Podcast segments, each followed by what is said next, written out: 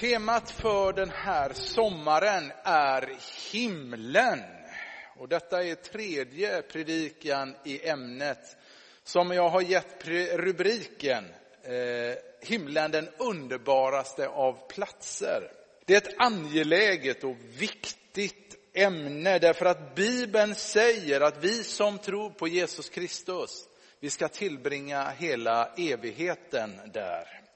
Och om vi nu ska tillbringa hela evigheten, jag menar, då känner i alla fall jag att det är ju viktigt att studera och ta reda på allt vi kan om himlen, eller hur? Det gör vi ju när vi funderar på att flytta eller kanske eh, köpa hus. Då tar vi ju reda på allt vi kan om detta nya boende. Så frågan är, vad behöver vi veta om himlen? En sak är säker, mycket mer kan sägas om himlen än vad vi kommer att ha sagt under den här sommaren. Men det första jag vill säga om himlen, det är något om himlens betydelse. Vilket tyvärr märks alldeles för lite i kyrkorna. Det märks mer nästan ute i samhället. Där har du ju änglar i nästan varenda inredningsbutik. Visste du att just himlen, ordet himmel, nämns över 500 gånger i Bibeln? Himlen är helt klart ett av Bibelns mest centrala teman. Det räcker ju bara att gå till Nya Testamentet så vet vi att Jesus predikade ofta om himlen och ibland viks hela predikningar av honom just till detta tema. Ta bort himlen från Bibeln och Bibeln blir en enda röra. Det andra jag vill säga om himlen, det är något om himlens pluralitet. Ett krångligt ord kanske. Men visste du att det finns tre himlar? Oj, tänker du. Jag som liksom försöker förstå den himmel som jag trodde var den enda och nu säger du att det finns tre stycken. Paulus skriver om den tredje himlen i andra Korintierbrevets tolfte kapitel. Det tycks liksom som om han på förhand fick en inblick i det som han beskriver som paradiset. Och jag menar, finns det en tredje himmel så borde det ju finnas åtminstone tre, två till. Den första himlen är den atmosfäriska himlen. Denna himmel är det valv som omger vår jord i vilket fåglar och moln rör sig. Du kan läsa om det i första Mosebokens första kapitel. Den andra himlen nämns också i Bibeln. Denna himmel, stjärnhimmel, är den yttre rymd som rymmer solen, månen, stjärnorna och alla galaxer. Du kan läsa om den i första Mosebok. Den ryska astronauten Gagarin, som var den första människan i yttre rymden, han har enligt ett rykte i alla fall sagt, jag ser ingen Gud här uppe och det är kanske inte så märkligt. Oavsett om ryktet stämmer eller inte så är det i alla fall inte i den yttre rymden som Gud har sin boning. Men Paulus nämner i alla fall att han hade blivit uppryckt till den tredje himlen. Han skriver så här. Jag vet att den mannen, alltså det vill säga han själv, om det var i kroppen eller utanför kroppen, det vet jag inte, bara Gud vet, blev uppryckt till paradiset och fick höra ord som ingen människa kan eller får uttala. Paulus säger att det finns en himmel bortom den atmosfäriska himlen, bortom den yttre rymden, stjärnhimlen. Det finns en tredje himmel i vilken Gud bor. Bibeln säger på flera ställen att just denna himmel är Guds boning. Under våren så har vi lärt oss att be, vår Fader, du som är i himlen. Och Saltaren 11 och 4 den säger Herrens tron är i himlen. Det vill säga den tredje himlen, himlarnas himmel. Ibland så är ordet himmel rent av synonymt för Gud. Himlen är det kristna budskapets själ och hjärta. Det är den tredje himlen vi längtar efter och som vi en dag ska flytta till och vara hos Gud och Jesus Kristus för alltid. Hurdan är denna himmel, denna tredje himmel? Ja, på flera ställen i Bibeln så beskrivs det som att himlen är öppen. Strax innan Stefanus, martyren, stenas till döds så säger han, se, jag ser himlen öppen och människosonen står på Guds högra sida. Aposteln Johannes får i Uppenbarelsebokens fjärde kapitel se en dörr stå öppen i himlen och beskriver i detalj den härliga synen för oss. Detta leder oss fram till det tredje jag vill säga om himlen, nämligen himlen som en plats. Jesus beskriver på två ställen att himlen är en påtagligt verklig plats. En av Bibelns viktigaste texter om himlen är Johannes evangeliets fjortonde kapitel, de tre första verserna. I denna text beskriver Jesus himlen som en verklig plats som vi kan lokalisera. Jesus kallar samma himmel för ett hus, ett hem, lika verkligt som det hem du själv bor i. Låt mig säga något om bakgrunden till den här texten. Jesus har precis talat om för sina lärjungar att han ska dö på korset, att han ska begravas och uppstå för att därefter fara upp till himlen igen. När hans lärjungar hör detta blir de sorgsna och oroliga. Och jag menar, jag tror både du och jag kan sätta oss in i deras situation.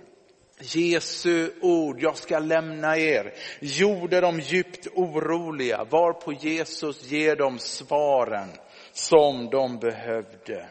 Han säger, låt inte era hjärtan oroas, tro på Gud och tro på mig. I min fars hus finns många rum.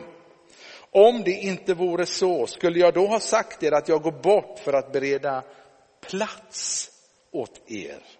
Och om jag nu går bort och bereder plats åt er, så ska jag komma tillbaka och hämta er till mig för att ni ska vara där jag är. Vi förstår ju nu att Jesus inte bara, att Jesus inte bara lovade detta för sina lärjungar utan att, hans, att hans löfte gäller alla dem som tror på hans namn. Lägg märke till vad Jesus säger. Jag går bort för att bereda plats åt er.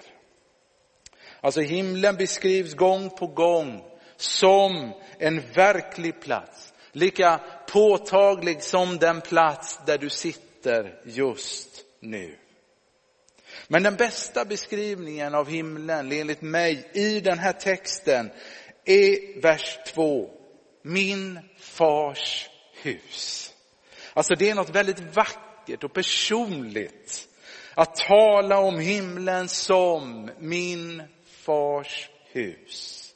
Det låter inte som ett tomt och ödsligt hus, nej tvärtom. Man kan få på förhand ana hur kärleksfullt, omtänksamt och varmt detta faders hus måste vara. Tänk vilken värme, sån atmosfär och gemenskap. Allt som präglar ett drömhem, även om du själv aldrig växt upp i ett sådant. Jesus lovade att bereda plats åt dem som tror, tar emot honom i sitt hjärta. De får en plats i fars hus. En plats som aldrig kommer fråntas dem.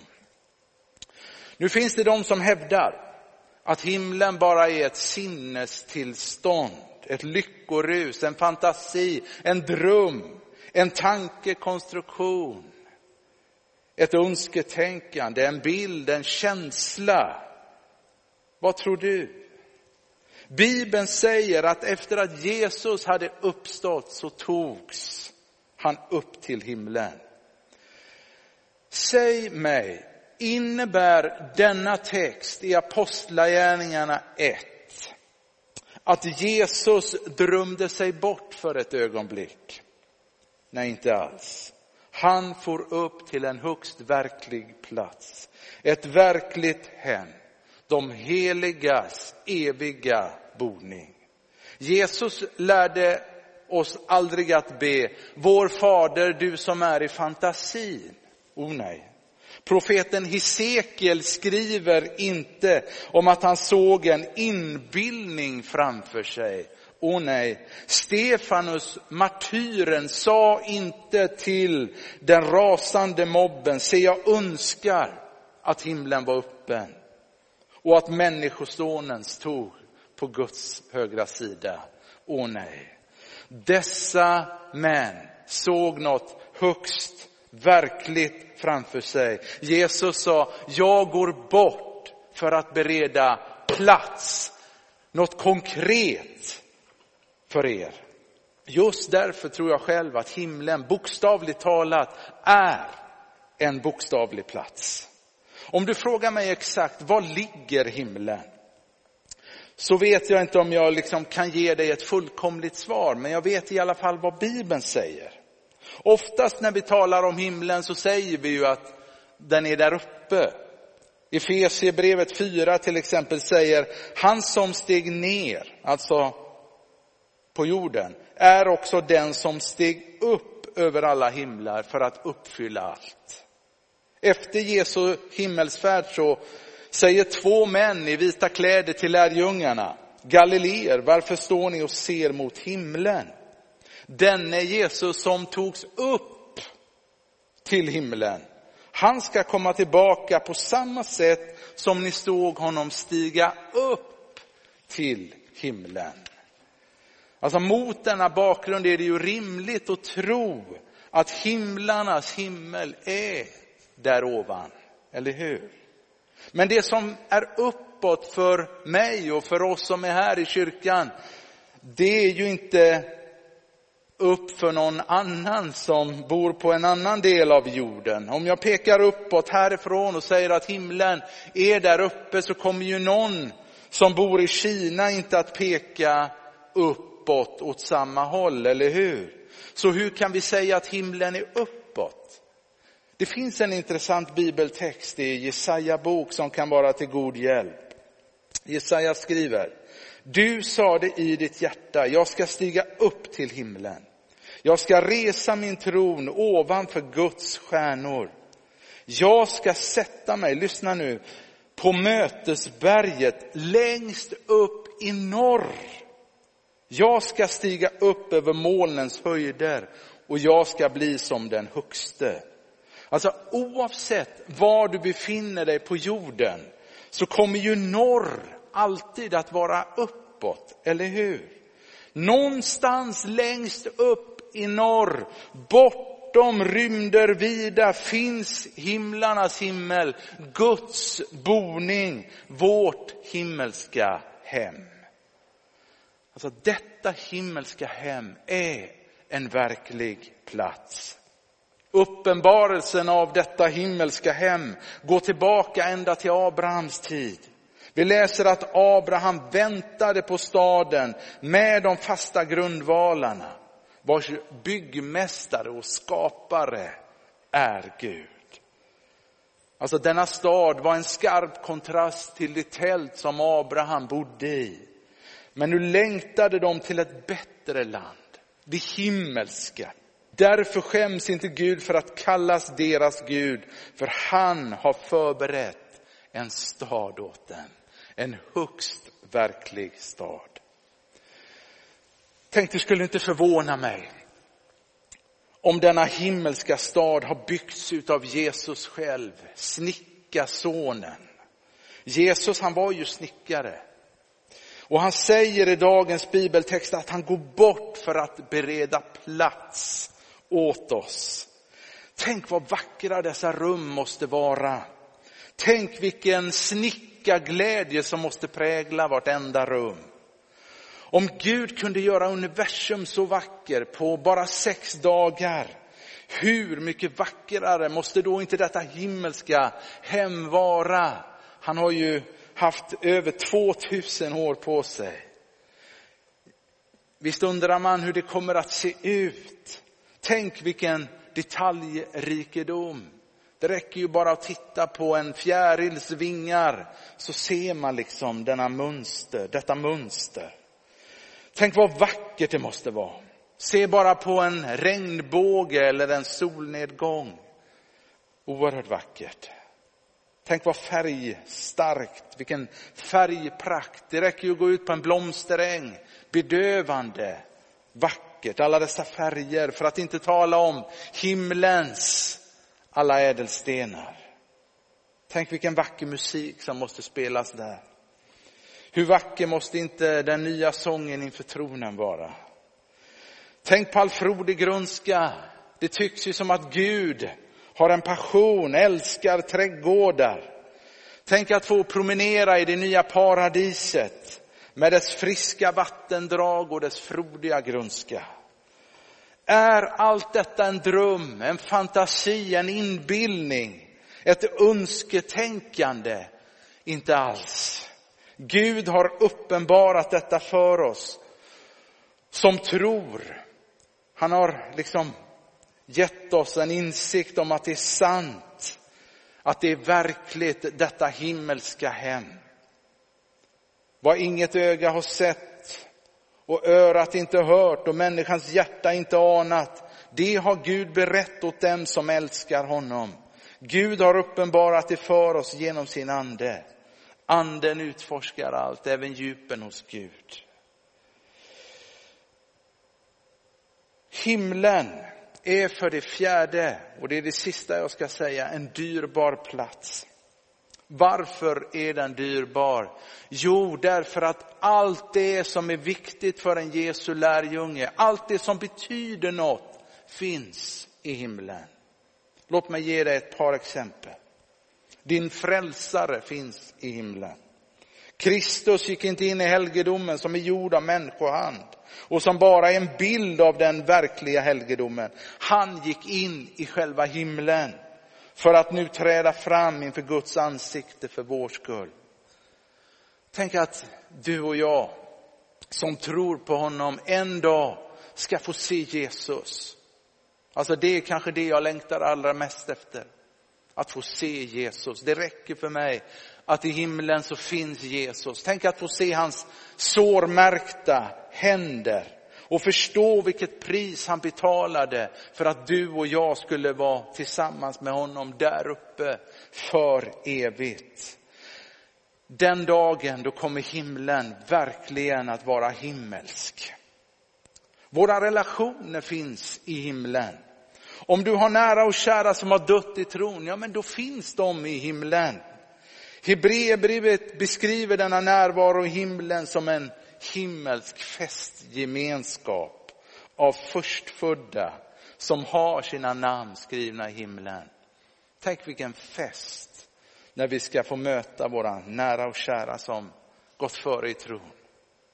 Vårt arv finns i himlen. Petrus han skriver, välsignad är vår Herre Jesu Kristi Gud och Far i sin stora barmhärtighet har han genom Jesu Kristi uppståndelse från de döda fött oss på nytt till ett levande hopp, till ett arv som aldrig kan förstöras, fläckas eller vissna och som förvaras åt er i himlen.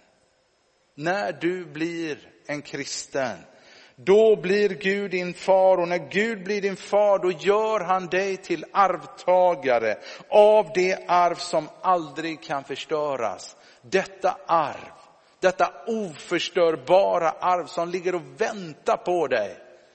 Det arvet bär ditt namn. Ditt hem är i himlen. Filipperbrevet 3 och 20 säger, men vi har vårt medborgarskap i himlen och därifrån väntar vi Herren Jesus Kristus. vår frälsare. Du är inte bara svensk medborgare. Du som kristen är i första hand en himmelsk medborgare, en ambassadör som försöker representera ditt himmelska hemland här på jorden efter bästa förmåga. Du är på tillfälligt besök. Du är på väg hem. Den här världen är inte ditt hem. Din dyrbaraste skatt finns där någonstans bortom himlarymderna vida. Därför skriver också Paulus, tänk på det som är där ovan, inte det som är på jorden. Tänk efter. Om du glömmer bort himlen, om du glömmer bort att tänka på himlen, om du glömmer bort att tänka på det som är där ovan, vad återstår då? Jo, men allt det som är här nere på jorden. Och jag tror du kan hålla med mig om att om vi bara tittar oss runt omkring på det som är här nere, så är en del utav det och ganska mycket av det som händer här nere rätt deprimerande, eller hur? Vi behöver påminna oss om att vi är himmelska medborgare. Vi är på väg hem för att en dag vara tillsammans med Jesus för alltid. Vet du om att din belöning är i himlen? Det finns en belöning åt den som troget tjänar Jesus Kristus här på jorden. Ibland tänker jag, vad håller jag på med? Jag tänker liksom, man lägger ner mycket tid och kraft på församlingen och så tänker man, ja men jag får ut väldigt lite av det. Och så påminns man om hur kortsiktigt man tänker. Alltså detta perspektivet, nej ta det evighetsperspektivet. Så förstår vi som lägger ner själ och hjärta i detta med församling, uppdraget att vara en kyrka för staden, att belöningen ligger inte här nere utan den ligger där i framtiden som vi sjöng om förut. Jesus han säger, gläd er och jubla för er lön är stor i himlen. Löper du för att vinna den belöningen? Vår räddning finns i himlen och detta är kanske det viktigaste av allt och det är självklart att jag avslutar med det. Uppenbarelseboken 21 och 27 säger, Aldrig ska något orent komma in där, alltså i himlen, utan bara de som lammet har skrivit i livets bok. Bibeln säger att i himlen finns en bok där namnen på alla himmelska medborgare är uppskrivna. Står ditt namn skrivet i livets bok? En vacker dag kommer du att stå inför Gud och han kommer att fråga dig varför han ska släppa in dig. Och om du inte då säkert kan säga att ditt namn står i livets bok, att du har sagt ja till Jesus som din Herre och Frälsare. Ja, men då säger Bibeln att då kommer du inte in i himlen. Men jag har goda nyheter. Ännu är det inte för sent. I Johannes evangeliets fjortonde kapitel, i samma kapitel som jag har predikat utifrån idag, fast lite senare i den sjätte versen, så säger Jesus hur du blir räddad.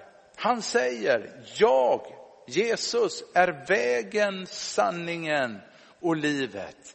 Ingen kommer till Fadern utom genom mig. Vet du att idag så erbjuder Gud dig att komma och ta emot hans förlåtelse. Han vill att du blir en kristen genom att ta emot Jesus, den korsfäste, som tog straffet för dina synder på sig. Som stod upp ifrån de döda och därigenom erbjuder full frälsning. Vill du ta emot det? Har du sagt ja till Jesus? Om inte så kan du göra det idag. Låt oss be. Himmelens Gud, vi tackar dig. Himmelens Gud, tack för att du har kontrollen. Tack för att himlen är en verklig plats. Från vilken du Gud ber för oss. Från vilken du önskar att vi Gud skulle få en dag komma hem till dig. Få vara med dig, tillsammans med dig för evigt. Herre, jag tackar dig Gud för att denna himmelska plats är en påtagligt verklig plats. Det är ingen tankekonstruktion. Det är, ingen, det är inget önsketänkande, det är ingen fantasi, det är ingen verklighetsflykt, utan Gud, himlen är på riktigt. Och jag tackar dig Gud för att himlens Gud, du bor i våra hjärtan. Vi som har tagit emot dig, Herre jag tackar dig. Låt ditt rike komma ber vi om Herre. Vi ber kom snart. Herre när vi tittar oss omkring här nere på jorden, ja Herre då finns det mycket som gör oss rätt deprimerade. Så vi ber mer av himlen på jorden. Och vi ber Gud om att du snart ska komma tillbaka så att vi för alltid får vara hos dig. Herre välsigna fortsättningen av mötet. Vi ber så i Jesu Kristi namn.